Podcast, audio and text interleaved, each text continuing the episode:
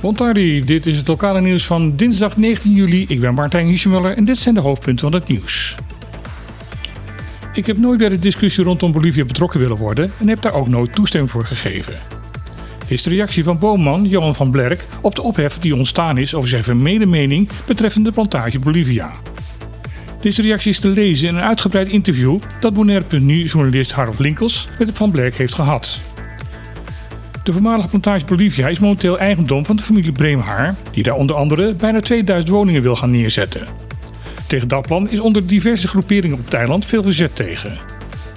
Vorige week werd er door het adviesbureau Metafor, dat werkzaam is voor Breemhaar, een persbericht uitgegeven met het verhaal dat toegeschreven werd aan Van Blerk. De Terrabarra-voorman staat op Bonaire bekend als iemand met veel verstand over de natuur van het eiland. Groot was dan ook de verbazing dat ogenschijnlijk Van Blerk de mening van de groep Breemhaar onderschrijft.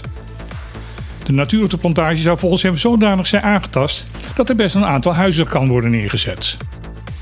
Nu blijkt dat Van Blerk niet heeft meegewerkt aan het verhaal en er zelf pas kennis van nam toen het werd gepubliceerd in verschillende media.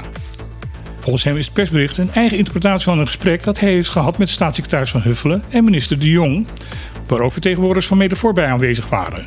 Een kwalijke zaak vindt Van Blerk. Het hele interview is te lezen op de website van Bonaire.nu. Onder de naam Bonaire Douradero heeft de Wereld Natuurfonds Nederland zich vanaf 2012 ingezet om de hoeveelheid wegwerpplastic op Bonaire te reduceren. Deze naam gaat nu verdwijnen en zal veranderen in Wereld Natuurfonds Bonaire. Afgelopen jaren heeft Bonaire Douradero meerdere projecten op Bonaire uitgevoerd. In maart werd er nog een e-learning programma onder de noemer Beyond Plastics gelanceerd over de plasticreductie. Ook de komende tijd zal onder de nieuwe naam meerdere nieuwe projecten opgestart gaan worden. Afgelopen maart kon het toeristenbureau TCB triomfantelijk melden dat er binnenkort rechtstreeks vanuit het Belgische Brussel op Bonaire gevlogen kan worden. Maar liefst twee keer per week zou het luchtvaartbedrijf Air Belgium een retourvlucht gaan uitvoeren. Nog voordat deze vluchten zijn begonnen, moet de TCB melden dat vrijwel alle vluchten tot na de orde zijn uitgesteld. Alleen rond de feestdagen in december kan Flamingo Airport vier keer een Belgisch vliegtuig verwachten.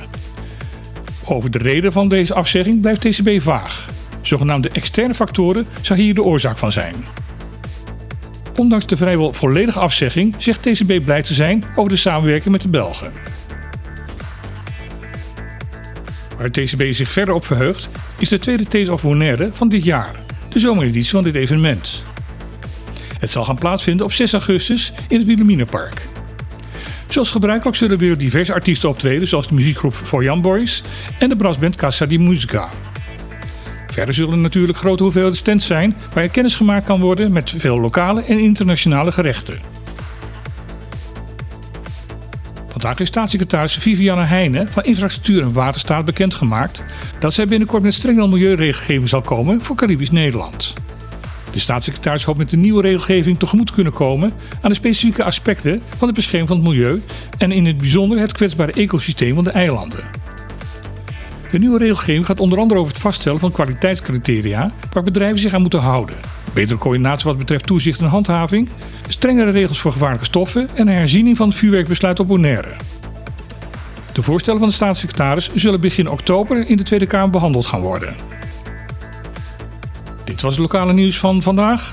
Ik wens u nog een hele fijne dag en graag tot morgen.